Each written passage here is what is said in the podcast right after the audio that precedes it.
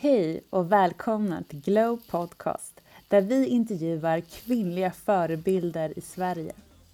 Vi är nu så glada att i tio veckor framöver ha med oss en stark sponsor, nämligen Stronger. Stronger erbjuder unika, snygga och färgglada träningskläder för kvinnor. Så gå in på deras hemsida stronger.se och givetvis har vi en rabattkod 20 Glow ger er 20% rabatt på ert köp. Nu blir vi starka tillsammans. Annika coachar mammor, leder sina mammacirklar och workshop. Annika är också en mycket uppskattad föreläsare och har bland annat föreläst på Underbara barnmässan. Efter tio år som småbarnsförälder har Annika utbildat sig till holistisk coach, hälsoinformatör och har förstått vikten av att ta hand om sig själv och att det är viktigt att må bra. I dagens poddavsnitt kommer du få ta del av Annikas verktyg och tips på hur du får ett holistiskt förhållningssätt. Och vi hälsar henne varmt välkommen hit.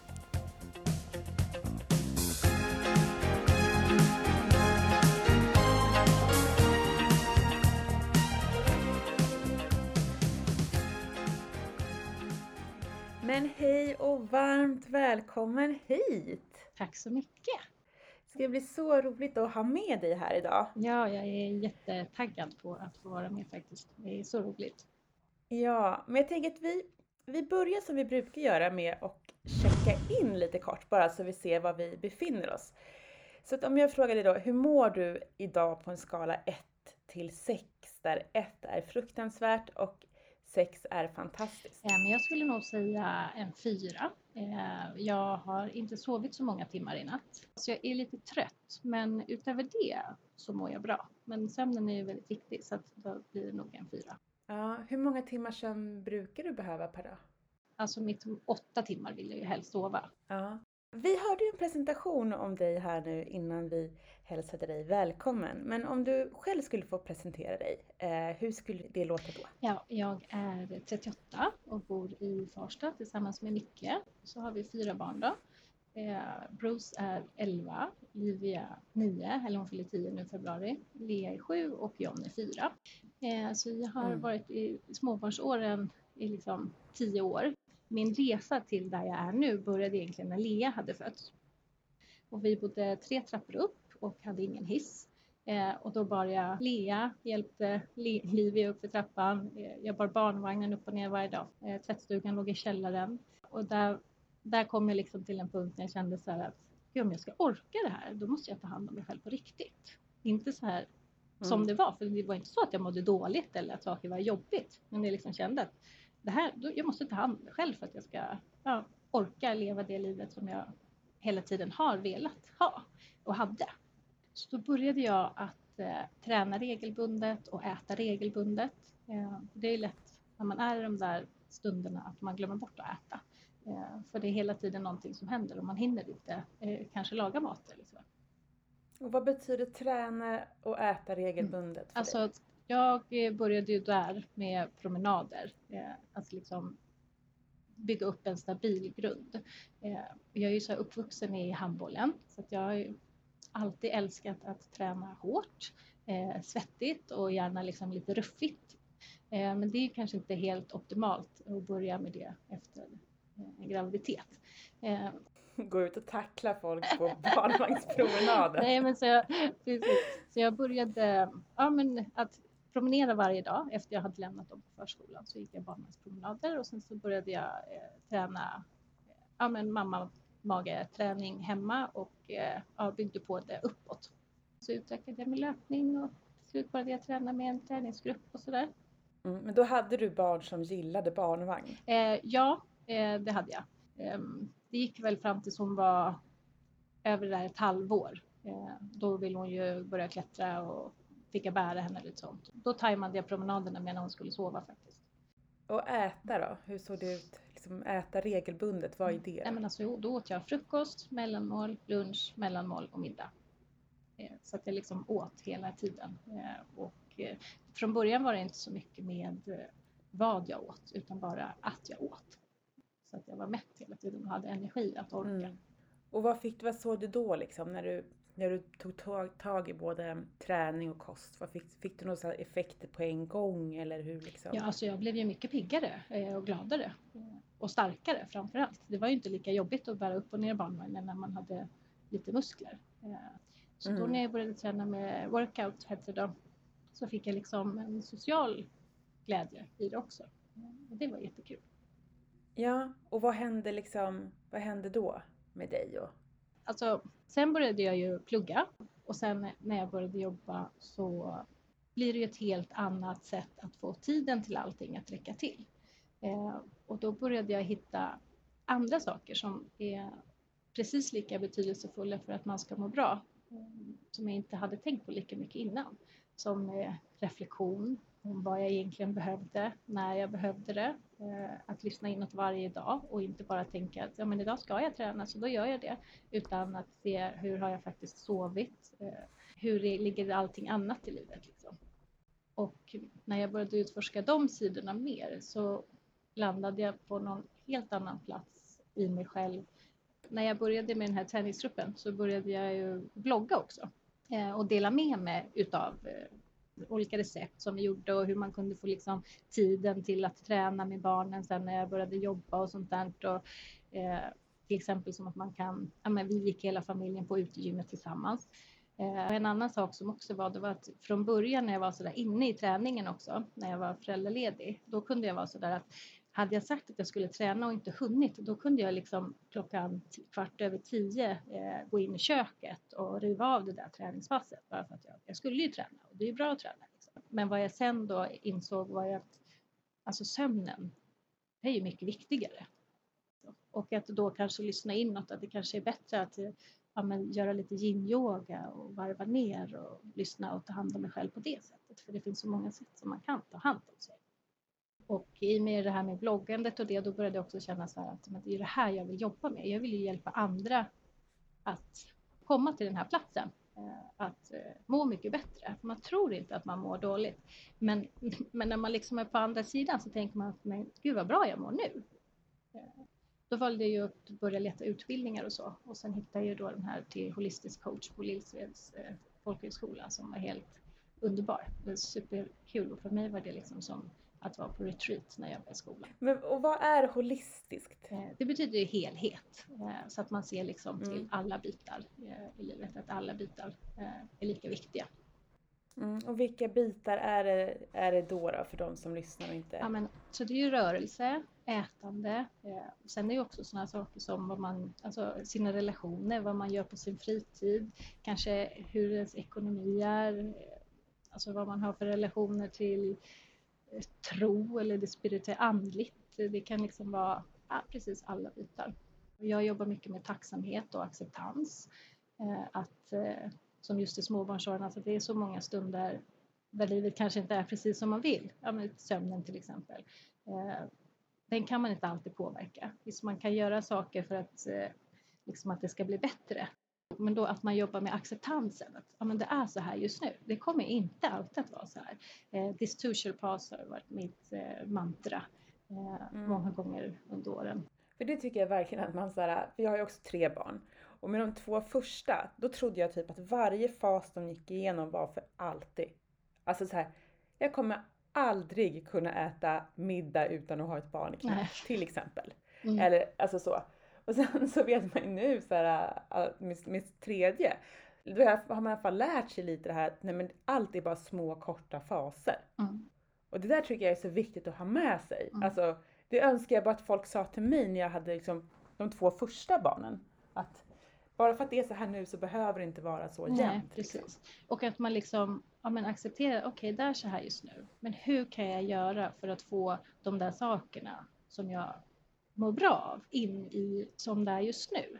Eh, som, som med träningen till exempel, alltså att man sänker sina förväntningar och att det är okej okay att man tränar i tio minuter och det, eller att, man, att det räcker med en promenad eller att det är okej okay att, eh, som med meditation till exempel.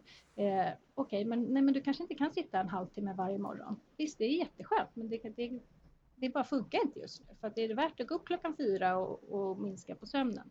Nej, det är det inte. Så att det är okej att då till exempel, jag brukar typ sitta med barnen i soffan och de tittar på TV och blunda och typ hålla en kristall i handen eller någonting. Alltså att man hittar så små, små sätt eh, att få in de där sakerna i vardagen ändå.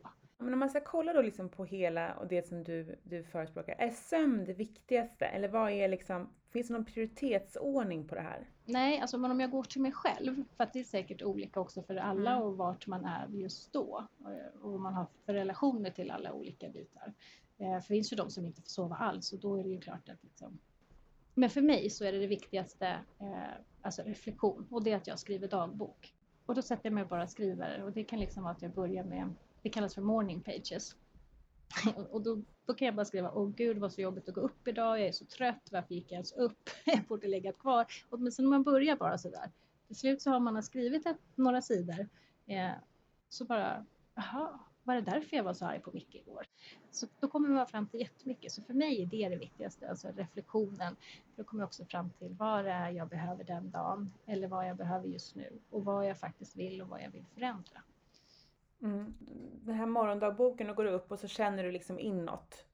Hur mår jag? Eh, vad behöver jag idag? Och så försöker du liksom analysera mm. det. Ja, alltså egentligen så är det inte liksom att jag, tänk, jag tänker inte så mycket när jag skriver. Utan jag bara skriver. Och sen efteråt så är det som att det har kommit ut massa saker som behövde komma ut. Mm. Eh, och så mm. kommer jag fram till grejer för mig själv. Liksom.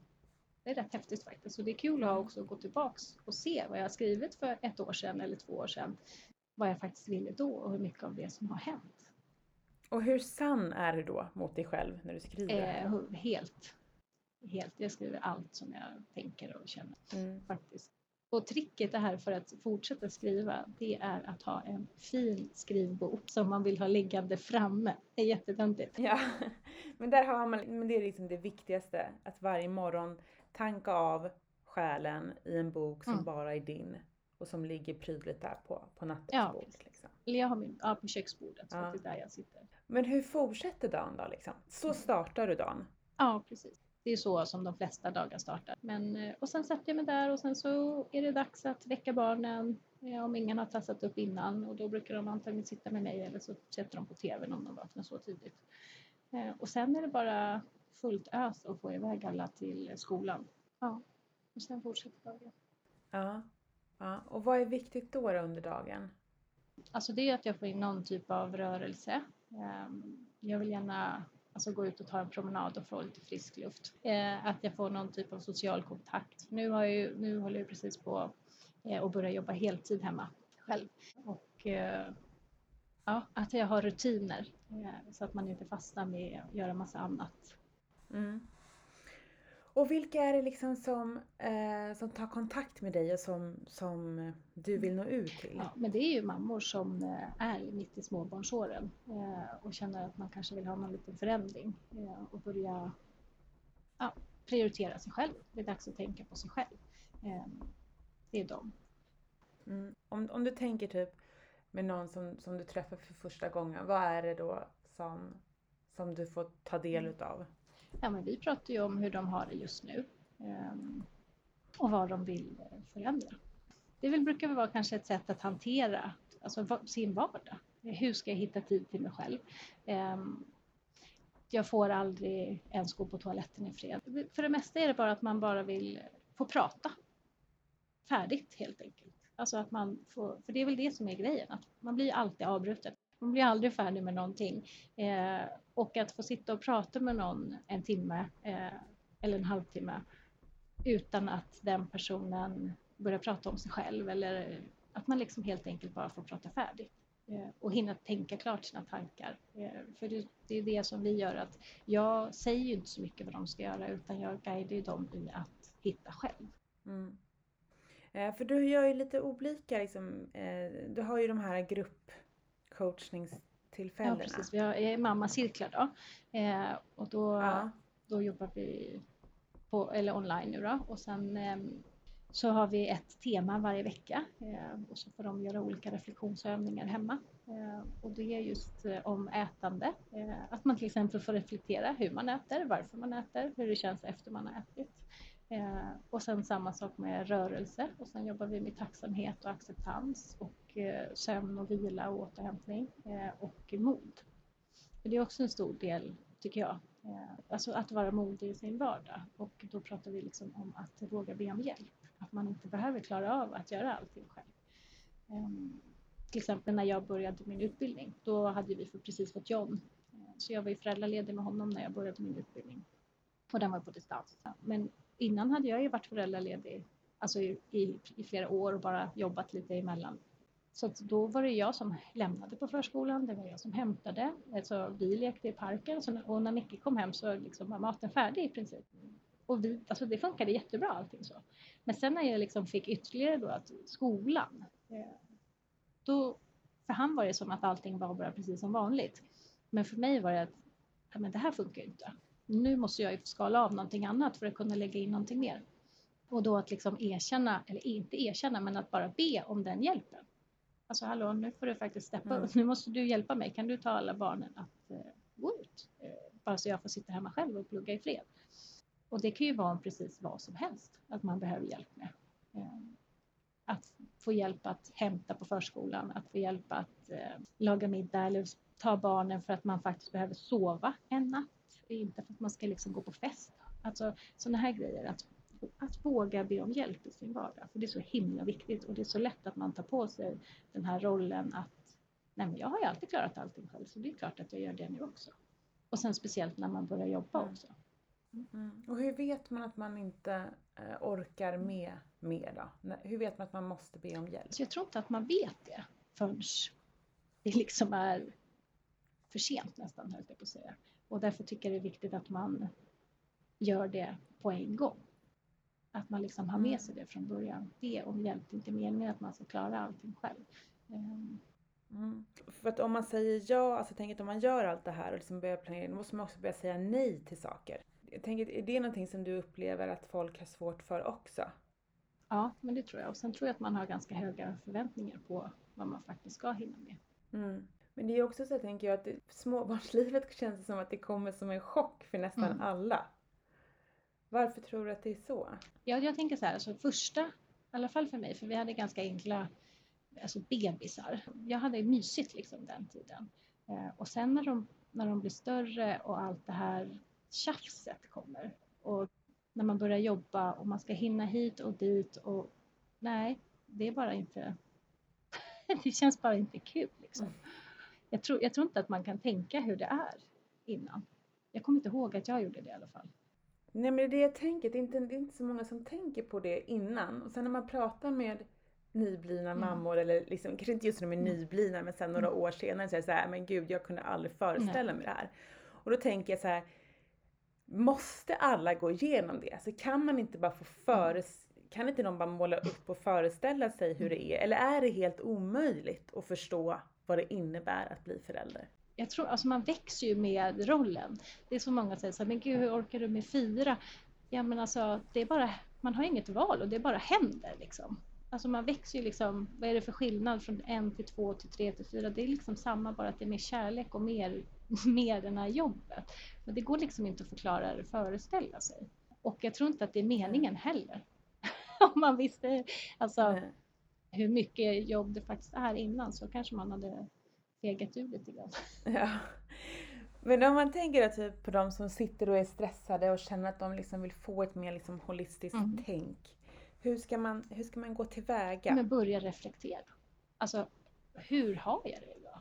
För det är det som är grejen, att man bara kör på. Det är hämta, lämna, laga middag, tvätta, bada, sova. I princip. Sen börjar de bli lite större så ska man hinna med träningar också däremellan. Eh, och att man liksom när man är mitt där i att man stannar upp och bara, men hallå, varför gör jag det här? Är det för min skull? Är det för våran skull? Är det för att det förväntas av mig från alla andra? Mår jag bra av det här? Eh, hur vill jag att min vardag ska se ut? Att man liksom, att man börjar där. Och om, när man har gjort det, man har reflekterat över så bara, men gud, nej, mitt, min vardag är mm. kaos just nu. Eh, jag är inne i ett ekorrhjul mm. och jag vill inte ha det så här. Jag vill ha det harmoniskt, jag vill må bra, jag vill ha tid till allt. Hur gör mm. man då? Jag tänker liksom, det, borde, det handlar ju tänka både om tid men också om ekonomiska förutsättningar. Ja, verkligen. Ehm, det gör det absolut. Alltså för mig jag brukar tänka så här, om jag sätter mig och liksom visualiserar exakt hur jag vill leva mitt liv utan hinder, det, då finns det inga ekonomiska hinder eller någon, inga tidshinder, ingenting. Liksom. Hur vill jag att mitt liv ska se ut? Hur vill jag spendera mina dagar? Och vad vill jag göra med min familj? Och hur vill vi bo? Och hur vill jag känna inombords? Just jobba med känslan. Hur känns det när jag är där jag vill vara? Och sen liksom tänka, okej, okay, men hur kan jag ta mig dit? Vad behövs förändras? Är det det, det ekonomiska? Okej, okay, men hur kan jag förändra det då? Alltså, eh, vad, är det värt att gå ner i tid för att må bättre? Och få mindre pengar? Vad lägger jag mina pengar på? Alltså liksom att man börjar gå ner och skala ner eh, i varje fråga och varje del hur man kan, faktiskt kan förändra det. Och sen så liksom jobba, jobba mot de målen varje dag. Och hur lång tid liksom tog det för dig att komma? För idag lever du ju lite det som jag kan tänka mig att du skrev upp på den här ja. Eh, listan från början. Hur lång tid tog det för dig och vad krävdes av dig för att komma dit du är idag? Alltså, för mig började jag ju drömma men om en förändring ja, efter jag gick min utbildning. Då jag ville leva mitt liv lite mer som föräldraledig. Alltså inte den här stressen på morgonen eller barnen ska till skolan så de måste fortfarande vara där. Men att jag inte behöver vara på någon speciell plats en speciell tid på morgonen. Att jag kan hämta och möta barnen i liksom lugn och ro. Alltså att jag har ork också när jag väl hämtar dem. Eh, att vara med dem på kvällarna. Ehm, att jag får välja liksom hur jag vill, vad jag vill göra på mina dagar. Och jag började väl redan då sätta upp en vision. Men sen har jag ju liksom jobbat hårt sista året för att nå det. Och det här året vart ju så himla konstigt också. Speciellt hösten mm. har vi vabbat. Eh, men det har gått runt jättemycket för oss. Eh, och då har jag också landat i en annan känsla. Jag tror att det är många som har gjort det nu. Eh, att när man har varit mycket hemma med barnen och att man kanske inte har kunnat göra så mycket saker heller utan man har faktiskt fått vara hemma och då hinner man tänka på ganska mycket grejer, hur man egentligen vill ha det och vad som är viktigt för en. För mig har det nog tagit då, ja, ja men säg tre år då, sen jag utbildade mig. Mm. Mm.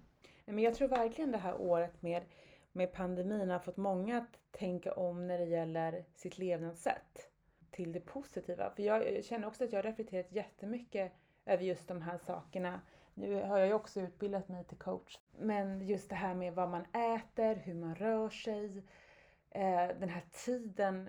Det finns ju väldigt mycket nackdelar med att jobba hemma men det finns ju också väldigt mycket fördelar. Att man inte har någon restid. Jag har 30 sekunder till min arbetsplats. Så att jag hoppas ju också att arbetsgivare och företag ser att det här också kan vara en möjlighet för väldigt många att orka men om man väl har börjat med det här, för det här är någonting som man, nu är det liksom ett nytt år, man sätter upp nya mål och man kanske har fått ett år av reflektion mm. utav liksom, hur håller man i det här sen? För mig det är att fortsätta reflektera. Att liksom fortsätta hålla den här visionen vid liv.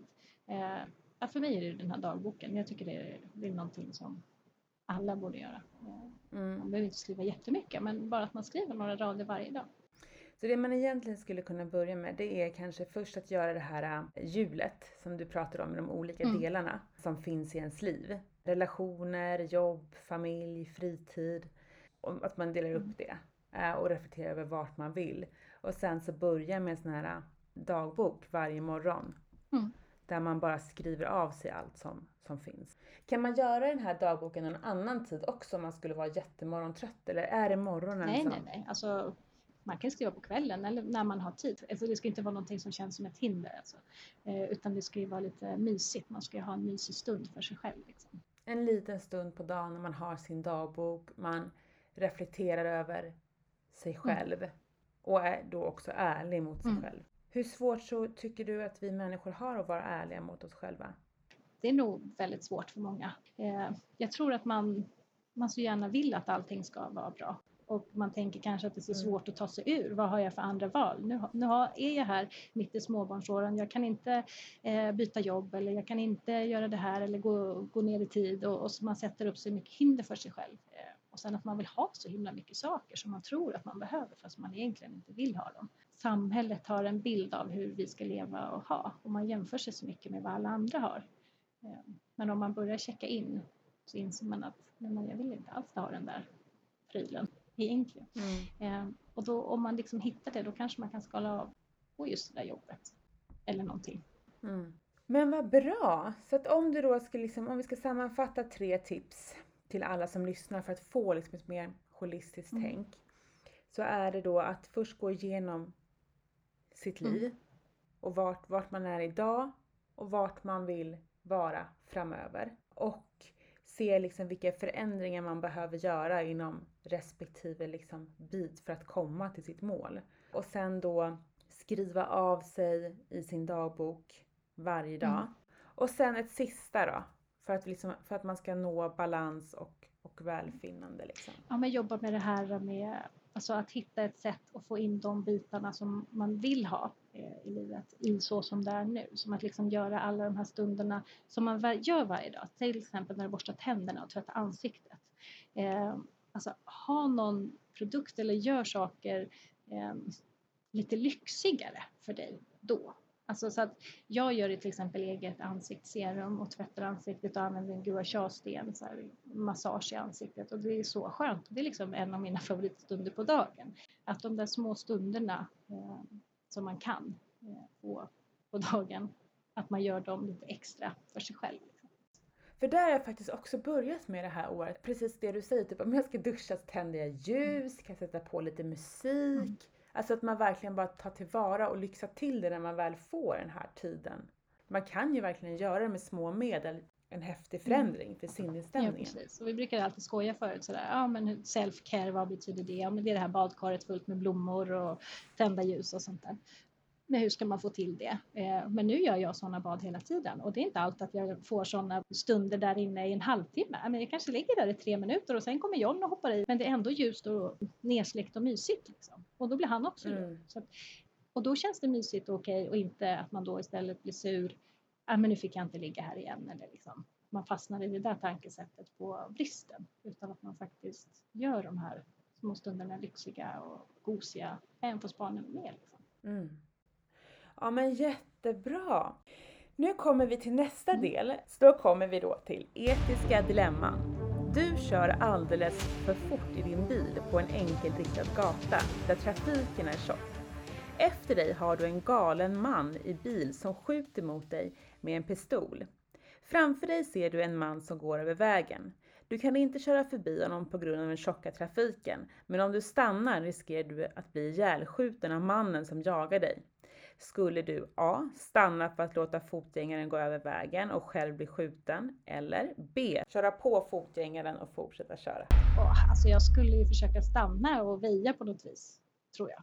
Jag skulle inte så här rent instinktivt köra på någon. Det finns ju, det skulle jag nog inte greja. Mm. Ja. Och om dina barn satt i bilen då? Ja, men jag skulle väl köra på honom lite på sidan då. Då skulle du köra din handbollstaktik ja, där igen. Tackla, av, tackla lite i vägen. Mm. Ja. Jag tror just när man jobbar det här med, med liksom holistiskt, så, så det här är ju bara liksom en, egentligen tänker jag också som en metafor ja. över att ibland så känner man ju att man är precis här. Mm. Man, har, man har en som skjuter på en bakifrån. Mm. Men om man kör, fortsätter köra så kommer man köra på någon mm. annan. Och liksom, om man upplever att man är där, för det är någonstans att man känner sig liksom fast i en situation som man inte kan ta sig ur. Mm. Precis på det här sättet. Mm. Och liksom hur, hur tar man sig ur om man känner sig att nej men det finns inga vägar ut. Vad jag än väljer så kommer det inte bli mm. bra. Alltså om vi säger till exempel att det handlar om en ekonomisk situation. Liksom.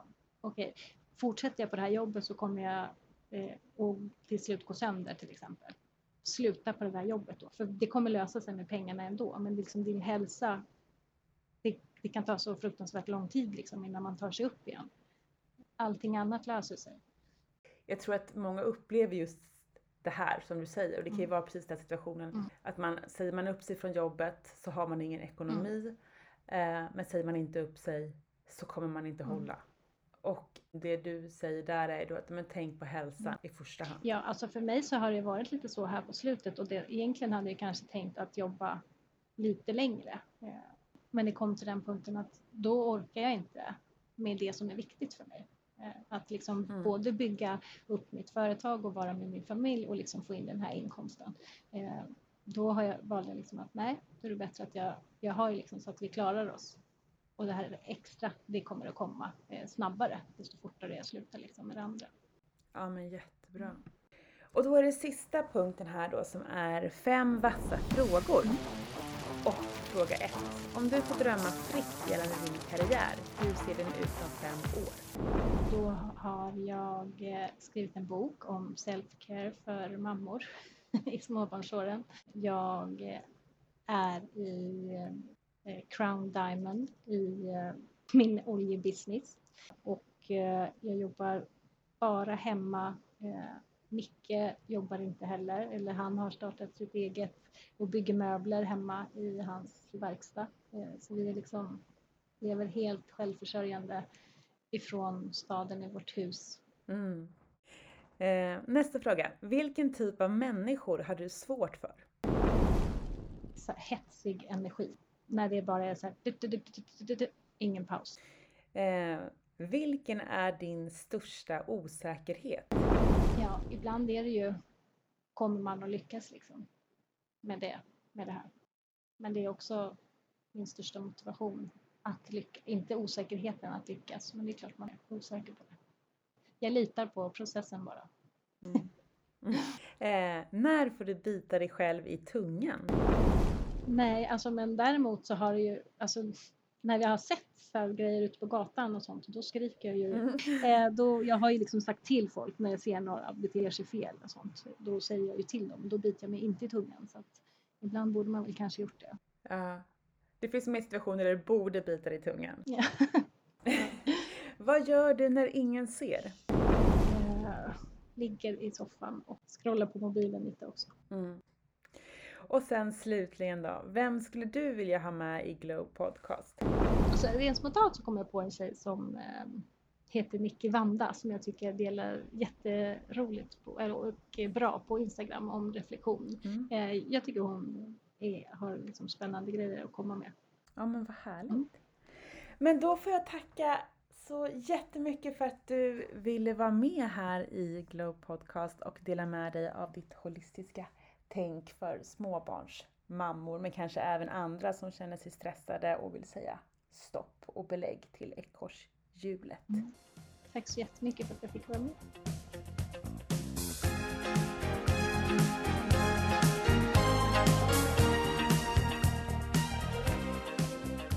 Det var allt från intervjun med Annika Larsen och jag önskar er en fantastisk dag.